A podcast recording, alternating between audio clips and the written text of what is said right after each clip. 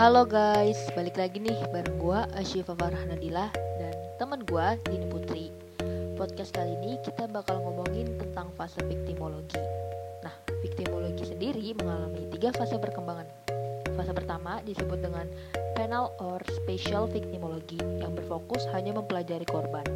Fase kedua disebut general victimology dan fase ketiga disebut new victimology yang membahas tentang korban penyalahgunaan hak asasi. Nah, fokus pada podcast kita kali ini, kita bakal ngomongin nih tentang fase kedua dalam victimologi, yaitu general victimology. Dalam fase ini, kita akan membahas tidak hanya mengkaji masalah korban kejahatan saja, tetapi meliputi korban kejahatan yang mengalami secara fisik, finansial, atau emosional, terluka, dalam Undang-Undang Nomor 13 Tahun 2006 tentang Perlindungan Saksi dan Korban, yakni korban adalah seseorang yang mengalami penderitaan fisik, mental, atau kerugian ekonomi yang diakibatkan oleh suatu tindak pidana. Unsur-unsur yang disebut korban yaitu yang pertama, setiap orang. Yang kedua, mengalami penderitaan fisik, mental, atau yang ketiga, kerugian ekonomi. Yang keempat, akibat tindak pidana. Menurut J.E. Sepati 1995 nomor 25 menjelaskan bahwa ruang lingkup dari viktimologi adalah bagaimana proses seseorang menjadi korban yang tidak selamanya berkaitan dengan kejahatan, dapat berupa korban kecelakaan, bencana alam, serta penggunaan kekuasaan. Menurut Arif Gosita, pengertian korban adalah mereka yang menderita jasmani dan rohani sebagai tindakan orang lain yang mencari pemenuhan kepentingan diri sendiri atau orang lain yang bertentangan dengan kepentingan dan hak asasi yang menderita ada beberapa hak-hak korban yaitu mendapatkan ganti rugi atas penderitaannya, menolak restitusi dari pelaku atau tidak memerlukannya, mendapatkan restitusi atau kompensasi, berikutnya mendapatkan pembinaan dan rehabilitasi, mendapatkan hak miliknya, mendapatkan bantuan penasehat korban, dan yang terakhir mempergunakan upaya hukum. Nih guys, tahu nggak sih ada beberapa kasus di Indonesia mengenai general victimologi.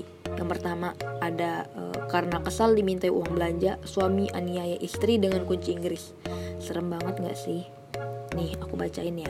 Seorang pria asal desa Jambuok, kecamatan Soko, Kabupaten Mojokerto, Jawa Timur, bernama Sugiarto, berumur 36 tahun, harus mendekam di tahanan karena menganiaya istrinya Dewi Nursanti yang berumur 27 tahun dengan kunci Inggris. Pelaku kita tangkap usai melarikan diri ke Bali. Selain menangkap pelaku, barang bukti sebuah kunci Inggris juga kita amankan dari rumah pelaku, kata Kasubag Humas Polres Mojokerto, AKP Sutarto pada Selasa. Menurutnya, kekerasan dalam rumah tangga itu berawal saat Sugiarto pulang kerja. Setibanya di rumah, Dewi lantas meminta uang belanja bulanan karena duit yang sebelumnya diberikan pelaku sudah habis. Pelaku kesal karena dimintai uang belanja bulanan. Selanjutnya, pelaku mengambil kunci Inggris kemudian memukul tangan dan kaki korban hingga patah. Setelah itu, ia melarikan diri ke Bali, tambahnya. Sugiarto lalu ditangkap polisi dengan cara dipancing oleh Dewi agar segera pulang dan tidak melaporkan ke polisi. Pelaku akan kita jerat dengan pasal UU dengan pasal 44 UU nomor 23 tahun 2004 tentang penghapusan kekerasan dalam rumah tangga. Ancaman hukumannya 10 tahun penjara ujarnya.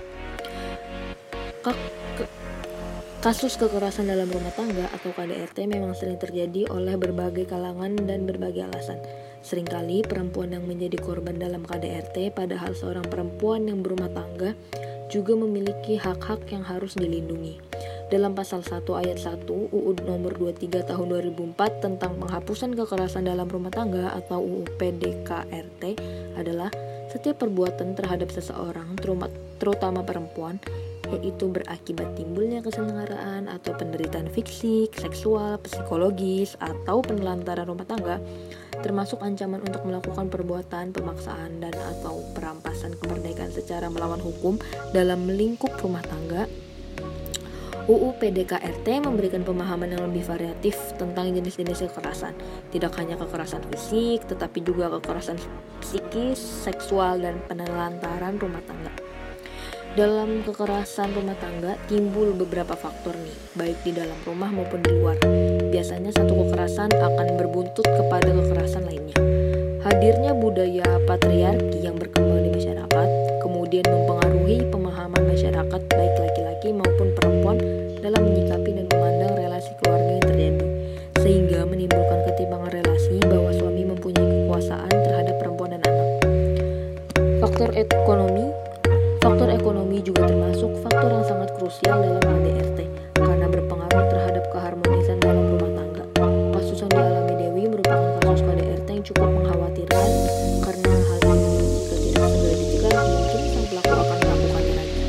Selain faktor ekonomi, terdapat ketidakstabilan emosional membuat pelaku tidak dapat mengkontrol emosi sehingga menganiaya sang istri.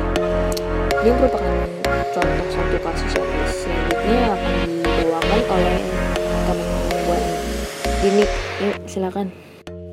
Hai guys, balik lagi bareng gue. Kali ini gue bakal bahas kasus victim blaming yang dialami penumpang kereta api. Sebuah pengakuan tentang pelecehan seksual yang dialami penumpang kereta api viral di Twitter. Berdasarkan keterangan wanita itu, petugas PT Kereta Api Indonesia tidak memberikan bantuan yang memuaskan dan malah merendahkan dirinya. Ironisnya nih, saat si korban melaporkan pelecehan seksual yang dialaminya, petugas kereta api Indonesia justru menyalahkan korban yang menyebutnya seperti perempuan karaokean. Ladies, I need you to be aware if you meet this disgusting man. Yesterday in the train, he fucking dared to sexually assault me. Kata korban seperti dikutip dari suara.com pada Rabu 24 April 2019. Cuitan ini langsung tersebar luas nih di Twitter tak lama setelah diunggah pada Rabu pagi. Terduga korban pelecehan seksual ini menggunakan bahasa Inggris dalam menceritakan kejadiannya. Budaya menyalahkan korban sendiri di Indonesia udah sangat lazim nih. Jadi banyak para penyitas ini takut untuk melaporkan kasus yang dialaminya. Beberapa korban mungkin takut untuk mendapatkan pandangan yang buruk dari masyarakat. Oh iya nih, victim blaming sendiri itu adalah sebuah istilah yang menyalahkan korban terhadap kesalahan atau bencana yang menimpa mereka sendiri. Mereka para korban dianggap merusak nama baik keluarga atau lembaga. Mereka bahkan dapat dikriminalisasi karena melaporkan tindak pelecehan atau pemerkosaan tersebut. Tahu gak sih perilaku blaming the victim atau menyalahkan korban secara psikologi itu memberikan pengaruh terhadap kliennya. Akibatnya kekerasan yang dialaminya menjadi ganda. Korban kekerasan sekaligus penyalahan korban itu sendiri. Kasus serupa juga sering nih terjadi di sekitar kita, Masyarakat dengan mudah dan tanpa disadari telah melakukan kekerasan kedua melalui blaming the victim. Faktor terjadinya blaming the victim terdiri atas faktor institusional, faktor situasi, dan faktor individu. Tindakan blaming the victim dapat terjadi melalui faktor verbal, non-verbal, dan media sosial. Jadi, stop victim blaming deh tanpa tahu apa masalahnya ya. Selain kasus victim blaming yang dialami oleh penumpang kereta api, ada juga nih kasus pengerusakan mobil di Makassar.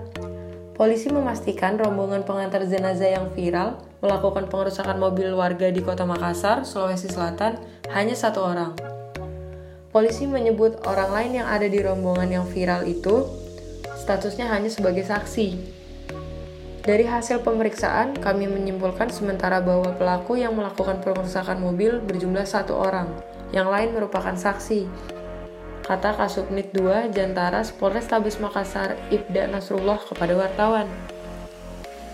Pelaku me... Pelaku perusakan mobil di Makassar satu orang, bukan famili almarhum. Dari keterangan pelaku, pelaku tidak ada hubungan keluarga atau tidak ada hubungan apa-apa dengan almarhum, tutur Nasrullah. Untuk mendalami kasus ini, Polisi juga melakukan pemeriksaan sejumlah saksi terkait peristiwa pengerusakan mobil tersebut. Sebelumnya diberitakan, unit Jantaras Polrestabes Makassar menangkap satu dari rombongan pengantar jenazah anarkis yang merusak mobil warga di Jalan Perintis Kemerdekaan, Makassar, Sulawesi Selatan. Polisi menangkap pelaku masih di sekitar wilayah Kecamatan Tamalandrea pada Sabtu dini hari. Jadi berawal dari adanya video viral yang beredar di media sosial tentang adanya perusakan satu unit mobil yang dilakukan oleh pengantar jenazah di Jalan Tamalan Rea. Kami dari unit Jantaras melakukan penyelidikan dan alhamdulillah berhasil mengamankan satu orang yang melakukan aksi kejahatan tersebut.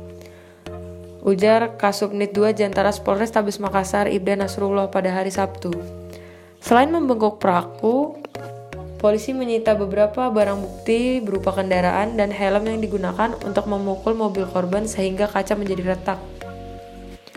Dari keterangan pelaku bahwa pelaku tidak ada hubungannya dengan keluarga atau tidak ada hubungan apa-apa dengan almarhum. Barang bukti yang kami amankan satu unit sepeda motor yang digunakan untuk melakukan aksinya dan satu helm yang digunakan untuk melakukan perusakan ke mobil tersebut, katanya. Saat ini pelaku bersama barang bukti telah diamankan di Mapolsek Tamalanrea guna pemeriksaan lebih lanjut. Sebelumnya nih, Iring-iringan mobil pengantar jenazah bersikap arogan ke pengendara lainnya sehingga mengakibatkan sebuah mobil dirusak. Kejadian itu terjadi sekitar pukul 10.30 waktu Indonesia bagian tengah ketika korban dalam perjalanan menuju tempat kerjanya di Kabupaten Maros.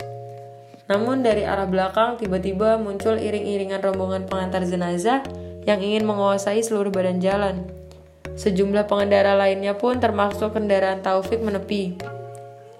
Tapi salah satu dari rombongan tersebut memukul mobil dan menggunakan sebatang bambu. Jumlah mereka sekitar 10 orang. Mereka memukul saya pakai bambu dan ada yang naik, juga ada yang menginjak mobil saya sehingga kaca dan spion saya menjadi rusak, kata Taufik. Dia pun trauma karena saat kejadian ia hanya seorang diri. Dia juga telah melapor, melaporkan peristiwa yang dialaminya ke pihak polisian. Saya tidak terima dengan kejadian ini. Tadi sempat saya kira sudah mau mati karena saya dikeroyok. Saya terus berdoa dalam mobil dan alhamdulillah mereka pergi dan saya tidak terluka. Tapi saya sudah melaporkan kejadian ini ke polisi. Jelasnya. Mari kita simak bunyi pasal 406 Kitab Undang-Undang Hukum Pidana. Pasal 1, barang siapa dengan sengaja dan melawan hukum menghancurkan, merusak, membuat tak dapat dipakai atau menghilangkan barang sesuatu yang seluruhnya atau sebagian milik orang lain.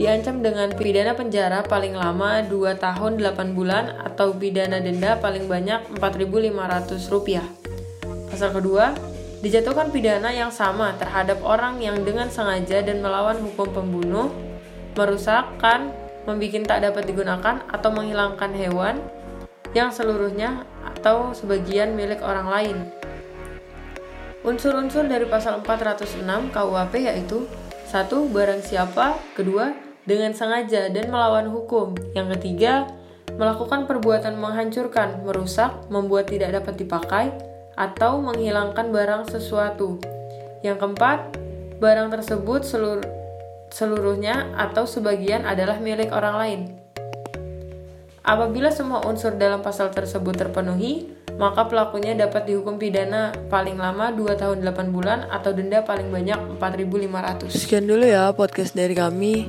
Semoga bermanfaat buat kalian semua. Makasih yang udah dengerin. See you.